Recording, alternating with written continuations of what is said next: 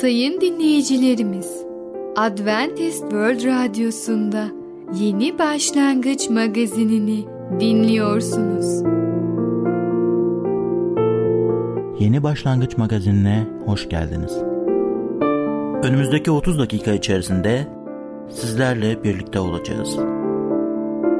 Bugünkü programımızda yer vereceğimiz konular yük sınırımız, bedenimizdeki temizleme sistemi, beklenmedik bir vaat.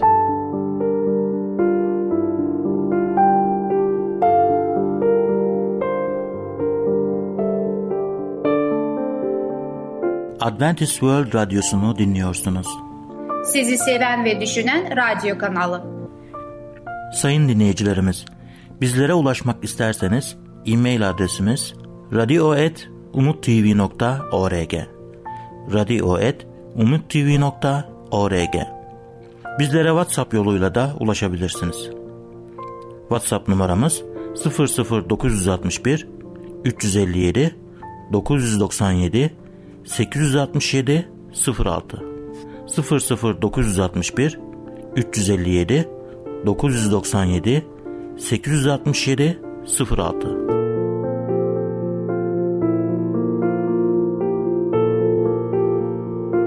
Merhaba değerli dinleyicimiz. Ben Tamer.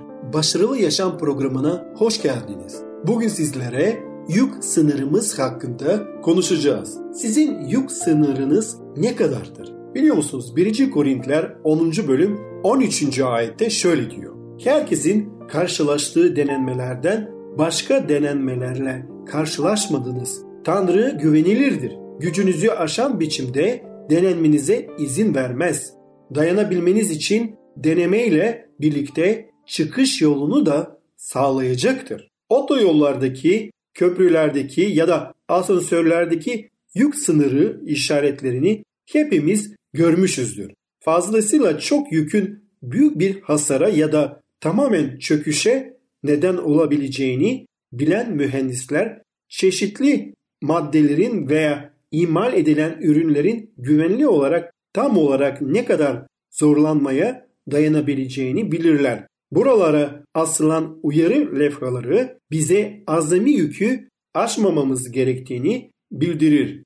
Biliyor musunuz? Daha önce bir inşaat firmasında çalışırken belli zamanlarda yük kaldırmak için binanın üstüne, binanın çatısına kaldırmak için farklı farklı vinç firmalarla görüşüyordum. Ve bizim birkaç tane iyi bir vinç firmasıyla iş yaptığımızı da biliyorduk. Ve onları belli aralıklarla işimiz çıktığında arıyorduk. Ve günün birinde tekrar vinç işi, yük kaldırma işi çıkınca bana git şu firmayı ara demişlerdi. Ve ben de o firmayı aradım. Aradığımda şu beyefendiyle görüşebilir miyim diye sorduğumda aldığım cevap şuydu. Maalesef o beyefendi artık yaşamıyor. Nasıl yani? İşte onun çalıştığı vinç yükü kaldırırken dayanamadı ve vinç yıkıldı ve kendisi de vinçle birlikte yere çakılınca vefat etmiş oldu. Yani Yüce Allah bize yükler verince acaba taşıyabileceğimiz, kaldırabileceğimiz, dayanabileceğimiz yükten fazla bir yük veriyor mu? İnsanların da yük sınırları vardır ve bunlar kişiden kişiye değişir. Örneğin bazı insanlar denenme ve sıkıntılara başkalarından daha iyi dayanabilir. Yine de herkesin bir kırılma noktası vardır ve katlanabileceklerinin bir sınırı vardır. Zaman zaman durumlar ve insanlar bizi katlanabileceğimizin ötesinde itiyor gibidir. Ama Rab sınırlarımızı bilir ve hayatımıza kuvvetimizi ve dayanma yeteneğimizi aşan zorlukların girmesine hiçbir zaman izin vermez. Bu özellikle günah işlemeye ayrıldığımızda geçerlidir. Denenmeler ve ayırtmalar üzerinize geldiğinde cesaretli olalım. Göksel babamızın hayatın baskıları altındaki dayanma kapasitenizi çok iyi biliyor. Onun kuvvetine dayanalım. Tanrı'nın yardımıyla hiçbir ayırtılma dayanabileceğimizden fazla olmayacaktır. Tanrı'ya güveniyorsanız günah sizi yenmeyecektir.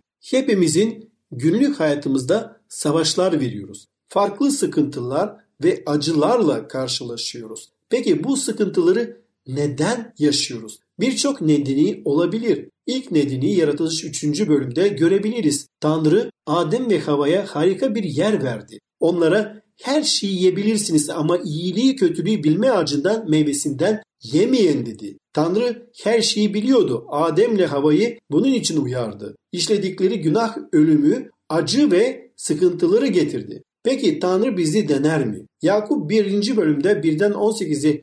ayetleri okulumuzda bu konuda bizi çok iyi aydınlatıyor. Kardeşlerim, çeşitli denemelerle yüz yüze geldiğinizde bunu büyük sevinçle karşılayın. Çünkü bilirsiniz ki imanınızın sınanması dayanma gücü yaratır. Dayanma gücü de hiçbir eksiği olmayan olgun yetkin kişiler olmanız için tam bir etkinliğe erişsin. Yakup bu sözleri boşa söylemiyor. O zamanlarda Mesih imanlarına karşı bir baskı var. Sıkıntı ve denenme dönemi ama tarihe bakılırsa Eyüp, İbrahim gibi birçok kişi denemelerden geçti. Denemeler bizi olgulaştırmak içindir. Bizi Tanrı'ya yaklaştırmak içindir. Uzaklaştırmak için değil. Yakup onlara denemelerde sevinin diyor. Tabii çoğumuz sıkıntıları sevinçle karşılamıyoruz ama umudumuz var. Bu nedenle sevinçli olmalıyız. İsa ona geldiğimizde bir şey dört dörtlük olacağını demedi ama ben dünyayı yendim dedi. Ruhsal bir savaş olacak ama Rab'le beraber mücadele vereceğiz. Çünkü bu bizim savaşımız değil. Rabbin savaşı. Çektiğiniz acılar imanda gelişmemiz, güçlenmemiz için bir fırsat olarak görmemiz gerekir. Peki denemelerin Tanrı'dan mı yoksa şeytandan mı geldiğini nasıl anlayacağız? Şeytanın ayartmasını nasıl ayırt edeceğiz? Yakup bu konuda şunu söylüyor. İçinizden birinin bilgelikte eksiği varsa herkese cömertçe azarlamadan veren Tanrı'dan istesin kendisine verilecektir. Yalnız hiç kuşku duymadan imanla istesin. Bizler bazen sıkıntıdayken birinden öğüt alma ihtiyacı duyuyoruz ama aldığımız yanıtlar ya da öğütler bazen yeterli olmuyor. Çünkü en iyi yanıtı ve en iyi öğütü Rabbin kendisi bize verecektir. Bu durumdayken Tanrı'dan bize bilgilik vermesini isteyelim. Ne mutlu denemeye dayanan kişiye denemeden başarıyla çıktığı zaman Rabbin kendisine sevenlere vaat ettiği yaşam tacını alacaktır. Ayrılan kişi Tanrı beni ayırtıyor demesin. Çünkü Tanrı kötülükle ayırtılmadığı gibi kendisi de kimseyi ayırtmaz. Herkes kendi arzularıyla sürüklenip aldanarak ayırtılır. Sonra arzu gibi gebe kalır ve günah doğurur. Günah olgunlaşınca da ölüm getirir. Rabbe itaat edip ona kulak vermeliyiz. Şimdi sıkıntıda mısınız? Denenmeden geçtiğini düşünüyor musunuz? Sıkıntıda ve denenmelerde tepkiniz ne olacak? Güçlü ve yürekli olun. Çünkü Rab teselli ediyor. O bizi olgunlaştırmak istiyor. Ona izin verelim. Ne mutlu denemeye dayanan kişiye. Denemeden başarıyla çıktığı zaman Rabbim kendisine sevenlere vaat ettiği yaşam tacını alacaktır diyor Yakup 1.12. Değerli dinleyicimiz, bugün yük sınırımız hakkında konuştuk. Bir sonraki programda tekrar görüşmek dileğiyle hoşçakalın.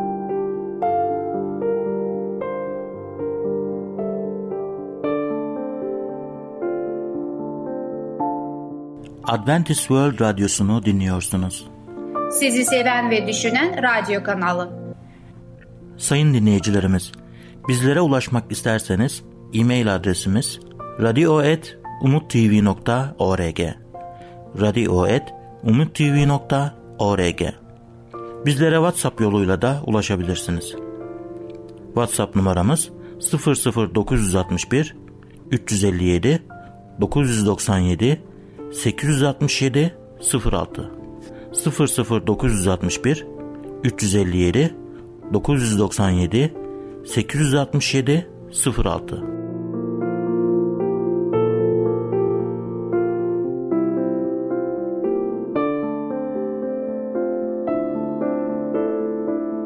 Merhaba sayın dinleyicimiz. Ben Fidan. Yeni başlangıç programımıza hoş geldiniz.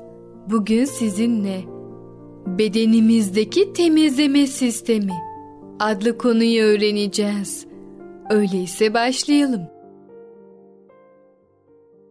Bedenimizdeki temizleme sistemi. Doğa bizi sağlam bir bağışıklık sistemiyle donatmıştır. Kalın bağırsak bu sistemin önemli bir parçasıdır. Kalın bağırsağın her bölümü bedenimizdeki belli bir organı harekete geçirir. Eğer kalın bağırsağımız sağlıklı ise hiçbir hastalık bizi tehdit edemez. Ancak eğer kalın bağırsağımızda sağlıksız birikintiler varsa veya mikroflorası dengesizse sağlığımız tehlikede demektir. Sağlıksız kalın bağırsağın bazı dış belirtileri şunlardır. 1. Şişkinlik, kabızlık, gaz. 2. Dişlerde siyah lekeler. 3. Dilde gri, beyaz veya sarımsı renklenme. 4. Deride sil veya çiller.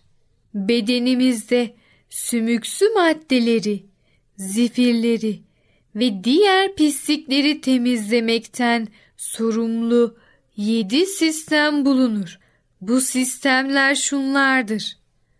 1. Kalın bağırsak 2. Karaciğer 3. Böbrekler 4. Yağ dokusu 5. Kaslar ve tendonlar 6. Burun, kulaklar ve gözler 7. Akciğerler ve deri Bedenimizdeki bu sistemlerden biri işini yapamaz hale geldiği zaman sıradaki sistem çalışır.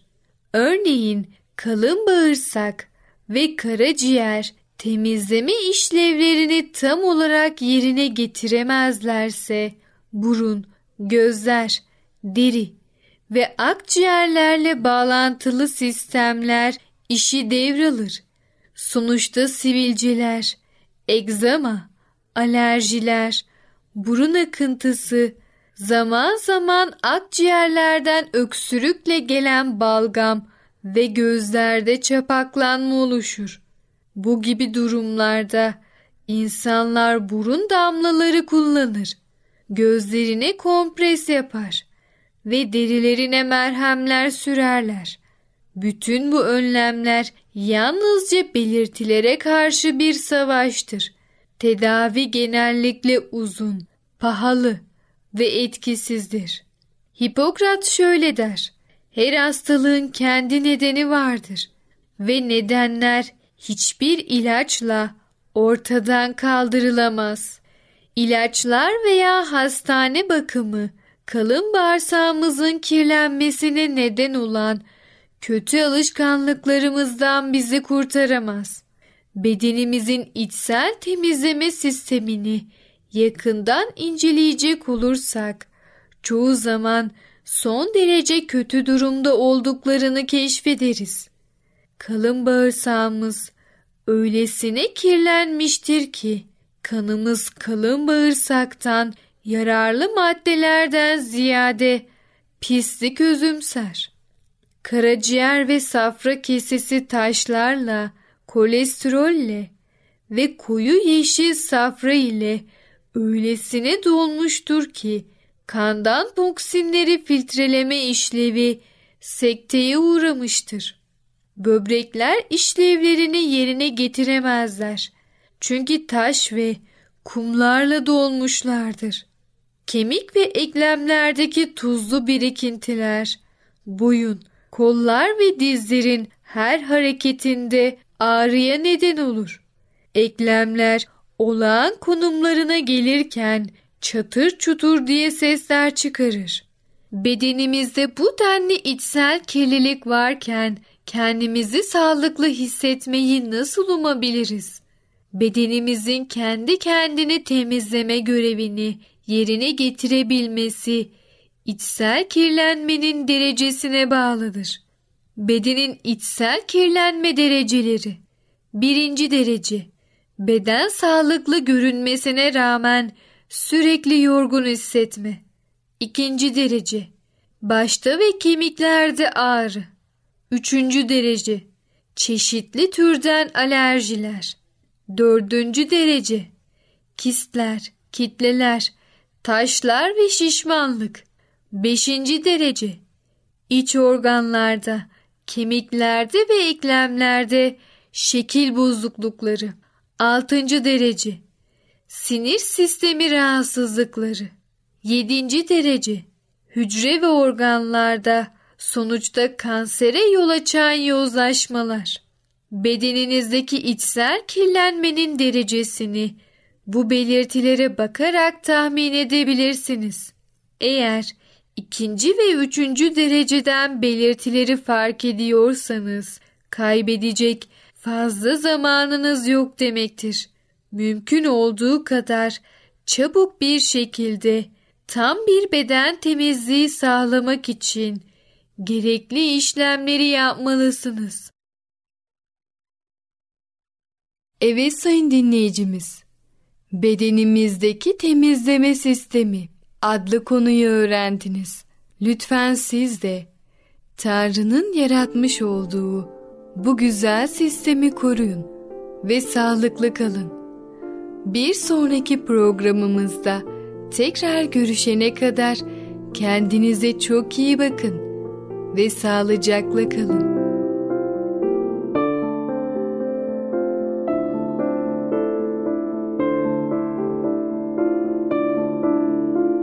Adventist World Radyosu'nu dinliyorsunuz. Sizi seven ve düşünen radyo kanalı. Sayın dinleyicilerimiz, bizlere ulaşmak isterseniz e-mail adresimiz radio.umutv.org radio.umutv.org Bizlere WhatsApp yoluyla da ulaşabilirsiniz. WhatsApp numaramız 00961 357 997 867 06 00961 357 997 867 06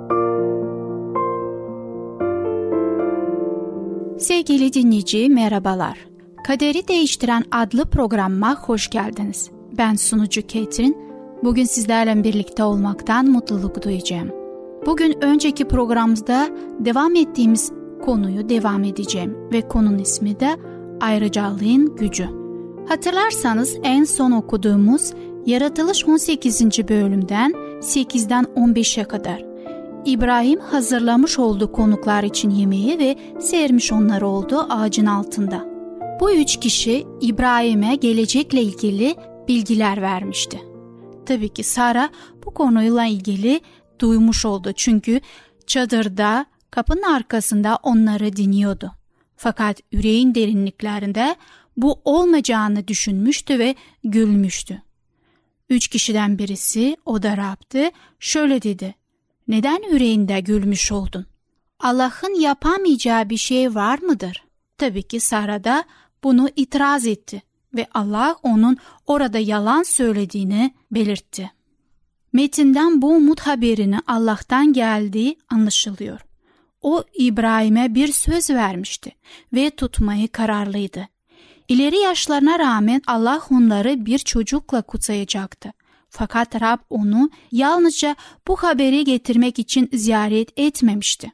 16.dan 21. ayetlerinde okuyacağım gibi başka bir nedenle gelmişti. Adamlar oradan ayrılırken Sodom'a doğru baktılar. İbrahim onları yolcu etmek için yanlarında yürüyordu. Yapacağım şeyi İbrahim'den mi gizleyeceğim dedi. Kuşkusuz İbrahim'den büyük ve güçlü bir ulus türeyecek. Yeryüzündeki bütün uluslar onun aracılığıyla kutsanacak. 19. ayet doğru ve adil olan yaparak yolumda yürümeyi oğullarına ve soyuna buyursun diye İbrahim'i seçtim. Öyle ki ona verdiğim sözü yerine getireyim. Sonra İbrahim'e Sodom ve Gomorra büyük suçlama altında dedi. Günahlar çok ağır. Onun için inip bakacağım. Duyduğum suçlamalar doğru mu, değil mi göreceğim. Bunları yapıp yapmadıklarını anlayacağım. Tıpkı Babil Kulesi gibi Allah Sodom ve Gomorra'nın durumunu araştırmak istedi. Kutsal kitap bu kentlere ilişkin suçlamaların Allah'ın yönüne getirildiğini ve onun yargılamadan önce bunun doğru olup olmadığını görmek istediğini söylüyor. Ayrıca Allah İbrahim'e yapmak üzere olduğu şeyi bildirmek istedi. Böylece Allah'ın iki yardımcısını Sodoma Lut'un ve ailesin yaşadığı kente göndererek İbrahim'le konuşmak için geride kaldı. Takip eden konuşma İbrahim'in sevgisi ve peygamberliği ve Allah'ın adil yargısı hakkında pek çok şey bildiriyor. Bunu 22. 23. ayetlerinden okuyabiliriz. Adamlar oradan ayrılıp Sodom'a doğru gittiler. Ama İbrahim Rabbin huzurunda kaldı. Rabbi'ye yaklaşarak haksızlığa birlikte haklıyı da mı yok edeceksin diye sordu. Kentte 50 doğru kişi var diyelim. Oraya gerçekten yok edecek misin? İçindeki 50 doğru kişinin hatırı için kenti bağışlamayacak mısın? Senden uzak olsun bu. Haklıyı, haksızı aynı kefeye koyarak haksızın yanında haklıyı da öldürmek senden uzak olsun. Bütün dünyayı yargılayan adil olmalı. Rab, eğer Sodom'da 50 doğru kişi bulursam onların hatırına bütün kenti bağışlayacağım diye karşılık verdi. İbrahim, ben toz ve külüm, bir hiçim dedi. Ama seninle konuşmaya yürekliğini göstereceğim. 45 doğru kişi var diyelim. 5 kişi için bütün kenti yok mu edeceksin? Rab, eğer kente 45 doğru kişi bulursam oraya yok etmeyeceğim dedi. İbrahim yine sordu. Ya 40 kişi bulursan? Rab o 40 kişinin hatırı için hiçbir şey yapmayacağım diye yanıtladı. İbrahim, ya Rab öfkelenme ama 30 kişi var diyelim dedi. Rab 30 kişi bulursam kente dokunmayacağım diye yanıtladı. İbrahim, Ya Rab lütfen konuşma yürekliğimi bağışla dedi. Eğer 20 kişi bulursan, Rab 20 kişinin hatırı için kenti yok etmeyeceğim diye yanıtladı. İbrahim, Ya Rab öfkelenme ama bir kez daha konuşacağım dedi.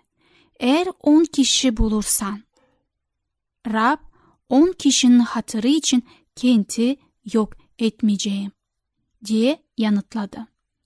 Rab İbrahim'le konuşmasını bitirince oradan ayrıldı. İbrahim de çadırına döndü. Tıpkı Yasemin'in Hamza'ya yaptığı gibi İbrahim de başkası yararına Allah'a yalvarmayı kendi üzerine aldı. Allah'ın kutsallığına ve adil yargısına müracaat ederek Sodom sakinlerinin doğru kişilerin hatırına affedilmesini diledi. Allah en az on doğru kişi bulunursa kentleri yok etmemeyi kabul etti. Allah'ın insan suretine bürünüp İbrahim'le konuşmasına akıl sır ermez. Bu mantıkla açıklanmaz. İlahiyat da bunu açıklayamaz. Fakat kutsal kitap olduğunu söylüyor. Öylesi doğrudur. Sodom sakinleri için ne yazık ki kentin surları içinde yaşayan on doğru kişi yoktu. İki adam kentin kapısına varıp Lut'la karşılaştıktan sonra onun evine gittiler. Sodomların habis karakterlerini ve şeytani niyetlerini açığa çıkarmalarına uzun sürmedi. Lut'un evini sardılar ve misafirlerini kendilerine teslim etmesini istediler.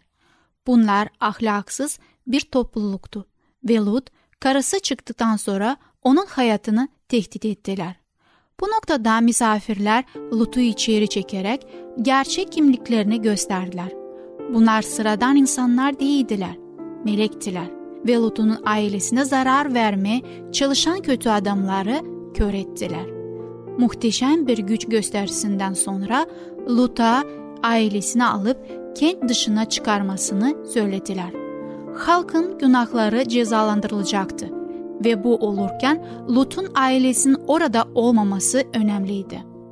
Sevgili dinleyici, konuyu bir sonraki programda devam edeceğim. Aracılığın Gücü adlı konumuzu dinlediniz. Bir sonraki programda tekrar görüşmek dileğiyle. Hoşçakalın. Adventist World Radyosu'nu dinliyorsunuz. Sizi seven ve düşünen radyo kanalı.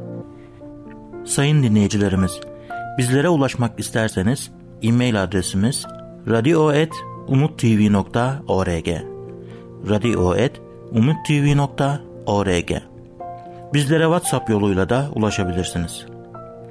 WhatsApp numaramız 00961 357 997 867 06 00961 357 997 867 06 Gelecek programımızda yer vereceğimiz konular Tanrı'ya inanıyorum, kaşıklar ve resim, beklenmedik bir vaat.